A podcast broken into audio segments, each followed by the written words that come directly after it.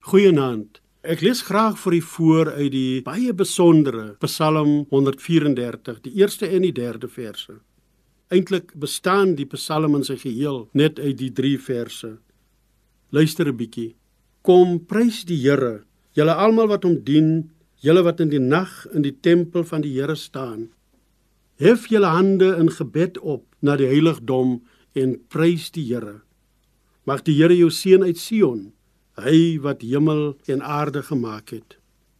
Afhangende van uit watter kerklike of geloofstradisie 'n mens kom, kan dit nogal gebeur dat mens bietjie skeef opkyk na gelowiges wat hulle hande hoog ophef in lofprysing en aanbidding voor die Here. Maar is eintlik 'n baie Bybelse handeling wanneer mense met 'n sekere liggaamshouding met opgehewe hande voor God kom. Natuurlik moet dit nie bloot net 'n uiterlike leë gebaar wees nie. Die hart moet saam praat of saam sing. Dit moet steeds in opregtheid geskied.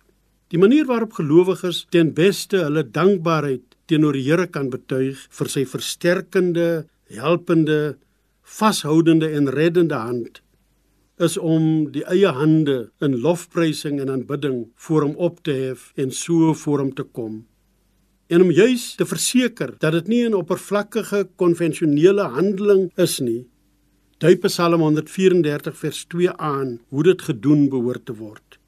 Dat dit 'n biddende handeling moet wees omdat daar geen ander manier is as die gebedshouding waardeur ons ons afhanklikheid van en ons dankbaarheid teenoor God kan betoon nie.